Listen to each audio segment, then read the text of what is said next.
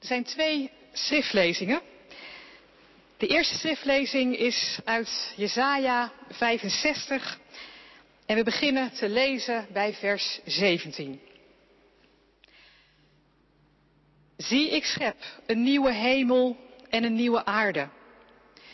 Wat er vroeger was, raakt in vergetelheid. Het komt niemand ooit nog voor de geest. Er zal alleen maar blijdschap zijn en groot gejuich om wat ik schep. Ik herschep Jeruzalem in een jubelende stad en schenk haar bevolking vreugde. Dan zal ik over Jeruzalem jubelen en mij verblijden over mijn volk. Geen geween of geweeklaag wordt daar nog gehoord. Geen zuigeling zal daar meer zijn, die slechts enkele dagen leeft. Geen grijsaard die zijn jaren niet voltooit. Want een kind zal pas sterven als een honderdjarige. En wie geen honderd wordt, geldt als vervloekt. Zij zullen huizen bouwen en er zelf in wonen. Wijngaarden planten en zelf van de opbrengst eten. In wat zij bouwen zal geen ander wonen. Van wat ze planten zal geen ander eten. Want de jaren van mijn volk zullen zijn als de jaren van een boom. Mijn uitverkorenen zullen zelf genieten van het werk van hun handen. Ze zullen zich niet te vergeefs afmatten en geen kinderen baren voor een afschrikkelijk lot.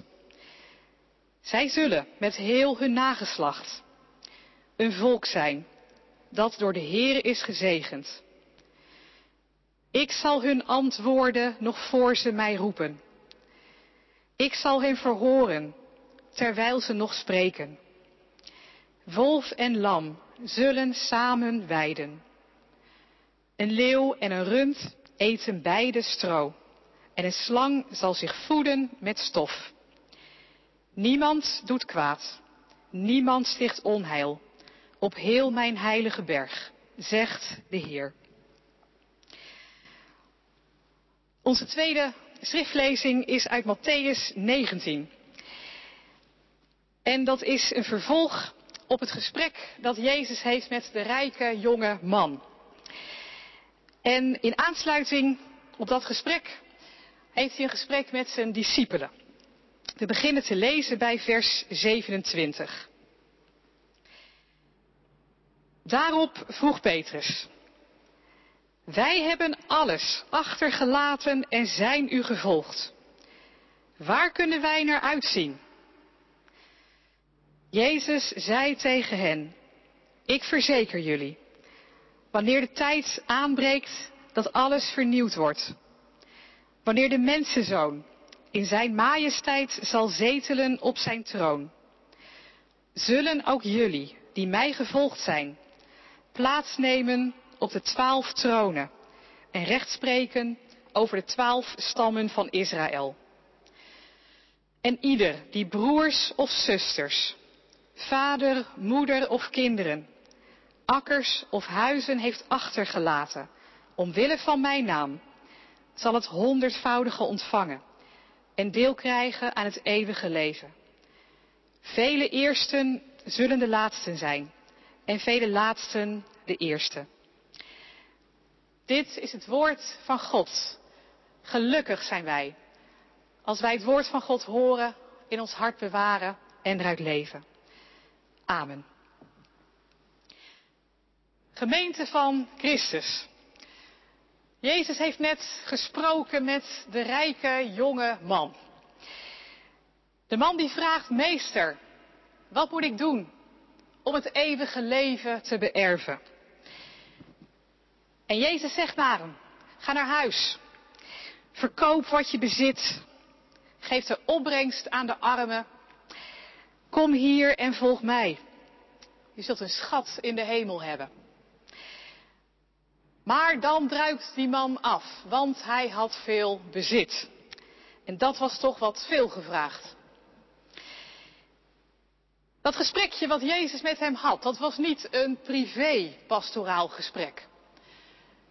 Maar openbaar, de discipelen die waren erbij. Ze horen wat Jezus zegt. En ze zien hoe die reageert. Dat hij afdruipt. En ze denken bij zichzelf. Ja, maar wij dan? Deze man die wil zijn spullen dus niet achterlaten. Maar wij hebben toch alles achtergelaten om Jezus te volgen? Wij toch wel? En Petrus die zegt dat ook. Wij hebben alles achtergelaten. En we zijn u gevolgd. Waar kunnen wij naar uitzien? Oftewel, wat zal onze beloning zijn? Waar kunnen wij op hopen? Wat is onze toekomst? Wat gaat onze beloning zijn? Wanneer stel je die vraag?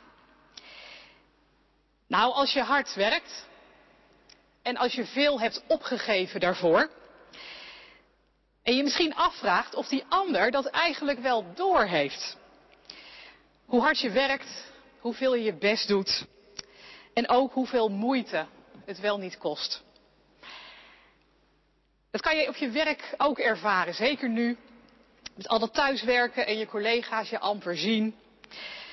Weten ze wel hoeveel ik doe? En die baas van mij, heeft die daar wel enig idee van? Die denkt misschien dat ik het makkelijk heb zo thuis. Hij moest eens weten. Of mijn docenten bij mijn studie. Zien ze wel hoe hard ik werk?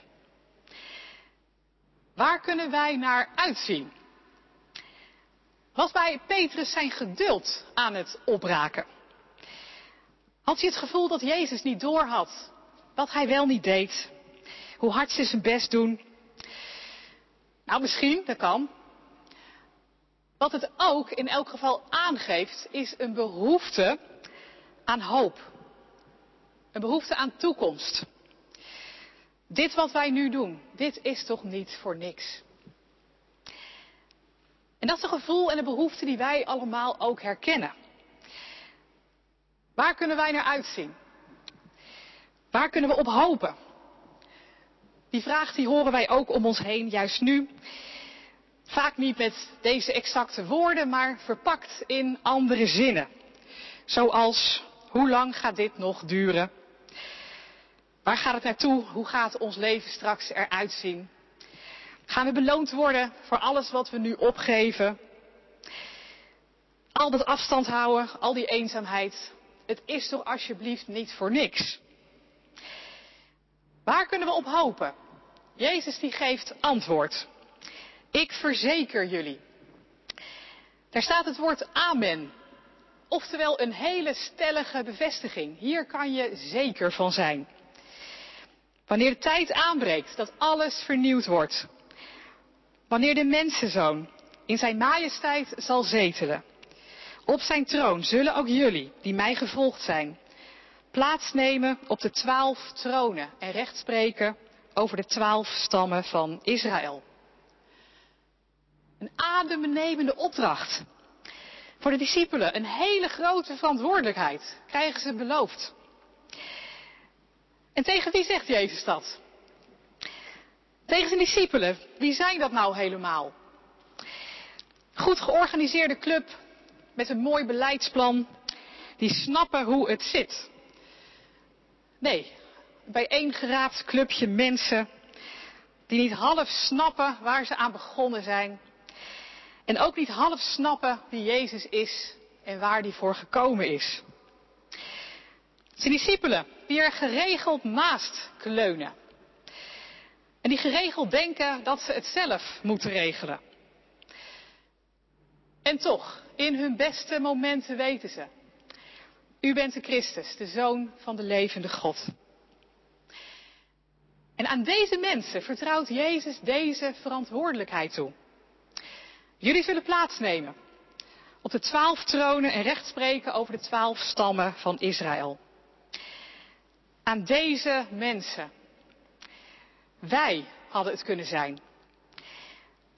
Want wat ons christen maakt is ook niet dat wij onze kerk zo goed georganiseerd hebben, hoe belangrijk ook. Niet vanwege ons mooie beleidsplan, hoe nuttig en hoe goed. Wat ons christen maakt is ook niet dat wij het zo goed op een rijtje hebben. Wij kleunen er ook geregeld naast. Zeker nu. En de hele verwarring die we meemaken in de maatschappij, die voelen wij ook. En de korte lontjes, het ongeduld, dat maken we ook mee. En echt niet alleen bij andere mensen, ook bij onszelf. We schrikken soms van onszelf.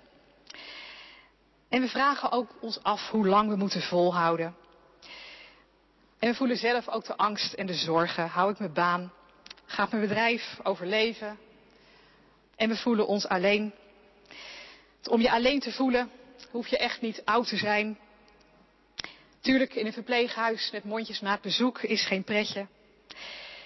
Maar als je jonger bent, is het ook niet makkelijk met minder sociale contacten. En aangewezen op je eigen huisgenoten of op je eigen gezin. Ook niet altijd makkelijk. En er zijn velen onder ons die geen eigen gezin hebben. Misschien zelf gekozen, meestal niet zelf gekozen.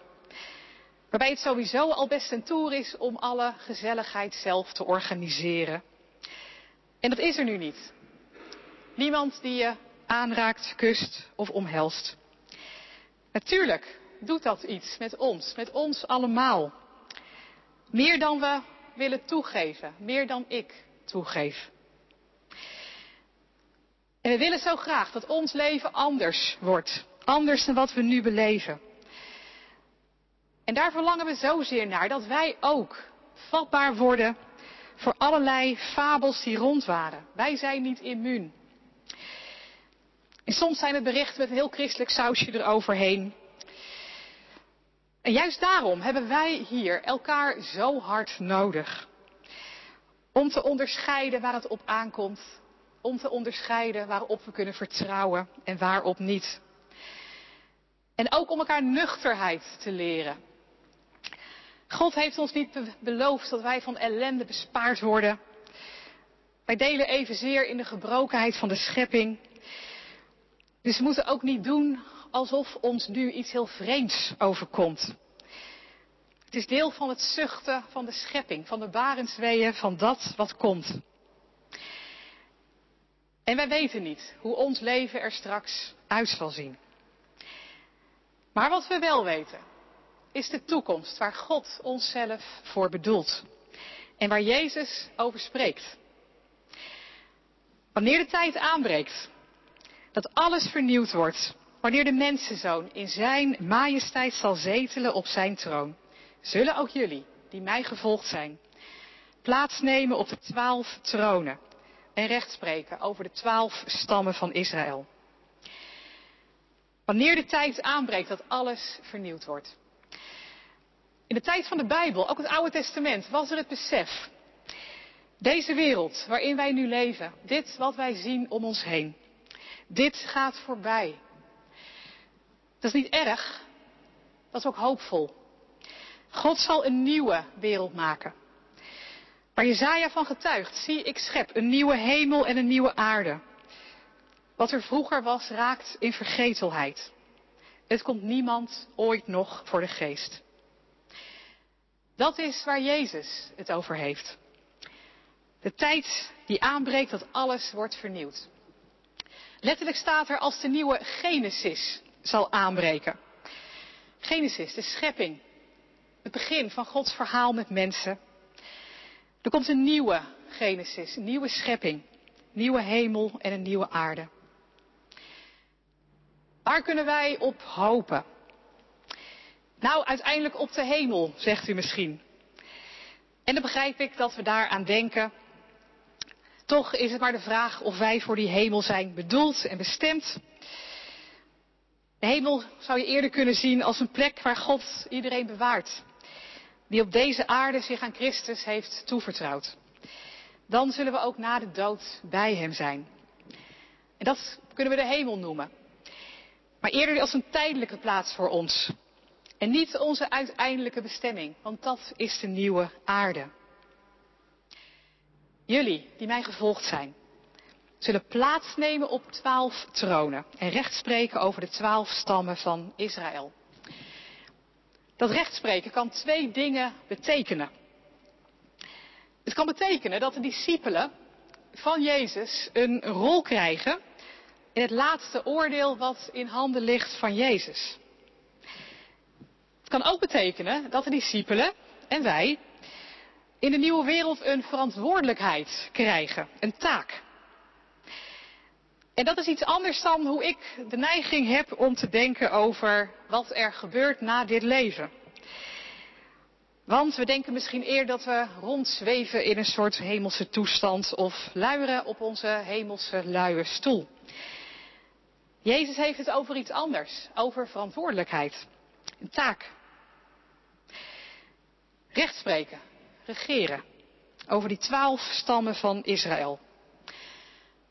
Opvallend dat Jezus het heeft over twaalf stammen, want in de tijd dat Jezus op aarde was, waren er al helemaal geen twaalf stammen meer. Tien ervan die waren al lang zoek geraakt. Zoek geraakt en ondergegaan door ballingschap, niet teruggekomen, overrompeld door vreemde machten, verspreid, zoek en ten onder gegaan. Toch heeft Jezus het over de twaalf stammen van Israël. Want voor Hem zijn ze niet zoek. Voor Hem zijn ze niet ten onder. Hij komt erop terug. God komt terug op wat Hij gemaakt heeft. Op Zijn schepping, op Zijn mensen. Hij zal recht doen. Net zoals Hij zal terugkomen op de zes miljoen die ten onder gingen in de vorige eeuw. Het is maar goed dat er een laatste oordeel is. Want het betekent dat er een God is die recht gaat doen, die erop terugkomt en die het er niet bij laat zitten. En Jezus zegt, ieder die broers of zusters, vader, moeder, kinderen, akkers of huizen heeft achtergelaten, omwille van mijn naam, zal het honderdvoudige ontvangen en deel krijgen aan het eeuwige leven. Ieder die familie heeft verloren omwille van mij of bezoek of bezit, zal het terug ontvangen. Jezus noemt een hele lijst van zeven dingen. Broers, zusters, vader, moeder, kinder, kinderen, akkers, huizen. Zeven. Het getal van de volheid. Dus niet een uitputtende lijst, maar het staat symbool voor het opgeven of het verliezen van de meest belangrijke intieme relaties en het verliezen, het opgeven van bezit in je leven. En voor de eerste christenen, de mensen die christen werden, was dat ook vaak pijnlijk wat er gebeurde. Een breuk met de cultuur en een breuk met familie. En nog steeds is dat van heel veel christenen in veel landen de ervaring. Met dat christen worden, worden ze de familie uitgezet. Maar ieder die familie of bezit verliest, omwille van Jezus, zal het honderdvoudig terug ontvangen en deel krijgen aan het eeuwige leven. Honderdvoudig ontvangen. Dat is een poëtische manier van zeggen. De overtreffende trap. Het geeft aan de overvloed die God ons geeft. En dat kan zijn in dit leven. Ook al lijden we verliezen door het volgen van Jezus. We krijgen er nieuwe familie voor terug. Namelijk de gemeente. Wij zijn elkaars broers en zussen. Heel concreet, de mensen die we nu zien om ons heen. En de mensen van wie we weten of misschien niet weten dat ze nu met ons meeluisteren. En het honderdvoudige slaat op de toekomst. Want ik ben ervan overtuigd, zegt Paulus, dat het lijden van deze tegenwoordige tijd niet opweegt tegen de heerlijkheid die over ons geopenbaard zal worden. Vele eerste zullen de laatste zijn en vele laatste de eerste. Wat bedoelt Jezus? Wat hij kan bedoelen is dat het een troost is. Een troost voor de discipelen, want in deze wereld lijken ze de laatste te zijn. Want zij hebben toch alles opgegeven. En zij zijn toch degene die Jezus gevolgd hebben en daar een prijs voor betalen. Maar ze zullen de eerste zijn in het koninkrijk. Een troost, een bemoediging voor het volgen van Jezus. Het kan ook zijn een waarschuwing. Een waarschuwing juist voor de discipelen en ook voor ons. Dan denk niet te gemakkelijk dat het wel oké zit met je. Want je kunt jezelf vergelijken met een ander, ik kan mezelf vergelijken met een ander en denken, nou, het zit wel goed met mij. Zoals Petrus dat eigenlijk ook deed na dat gesprek dat Jezus had met die rijke man. Oké, die rijke man die wil niet alles opgeven. Hij zit te veel vast aan zijn geld. Nou, ik niet hoor. Het gaat best goed met mij, kan je denken. En misschien ben je niet gevallen voor de God van geld en bezit. En dank God als je daarvoor bewaard blijft. Maar misschien ben je wel gevallen en misschien ben ik wel gevallen voor de God van trots en de zelfgenoegzaamheid. In het stukje hierna vertelt Jezus een gelijkenis van de werkers in de wijngaard. Sommigen werken de hele dag. En sommigen maar een halve dag en sommigen maar heel even. Toch zijn ze hoogst verbaasd als op het einde van de dag ze allemaal hetzelfde krijgen. De laatste zullen de eerste zijn en de eerste de laatste. Misschien zie je jezelf als eerste in geestelijk opzicht. Misschien zie ik mezelf wel zo. Maar besef, de mensen van wie wij het niet verwachten gaan ons voor in het koninkrijk van de hemel. De tollenaars, de mensen die op oneerlijke manier hun geld hebben verdiend. Ze gaan ons voor. De mensen die hun lichaam verkochten gaan ons voor. Kortom, de mensen die elke illusie op eigen goedheid hebben verloren en beseffen dat ze totaal afhankelijk zijn van Jezus genade. Dus denk niet te gemakkelijk dat je bij de laatste hoort die de eerste zullen worden. Maar neem je toevlucht bij Jezus. Bij Hem zijn we veilig. Waar kunnen wij op hopen? Wij kunnen erop hopen dat onze situatie anders wordt. We hopen op betere tijden, op meer vrijheid, minder beperking, op samenkomen, gewoon hutje mutje, naast elkaar, uit volle borst kunnen zingen. En het is goed om daarop te hopen. Toch is dat uiteindelijk niet onze grote hoop. Dat is iets anders. Dat is namelijk wat Jezus hier zegt. Het nieuwe begin, de nieuwe hemel en de nieuwe aarde. En waar wij in geloven is geen nepnieuws. Het is te vertrouwen. Want we geloven in wat God zelf heeft gezegd. In wat Jezus belooft. En waar Hij garant voor staat. Met zijn eigen leven, met zijn dood en met zijn opstanding. Zie, ik schep een nieuwe hemel en een nieuwe aarde. Wat er vroeger was. Besmettingen, eenzaamheid, afstand, korte lontjes, leugens, ziekte en dood. Daar zal niet meer aan gedacht worden. Er zal alleen maar blijdschap zijn en groot gejuich om wat ik schep.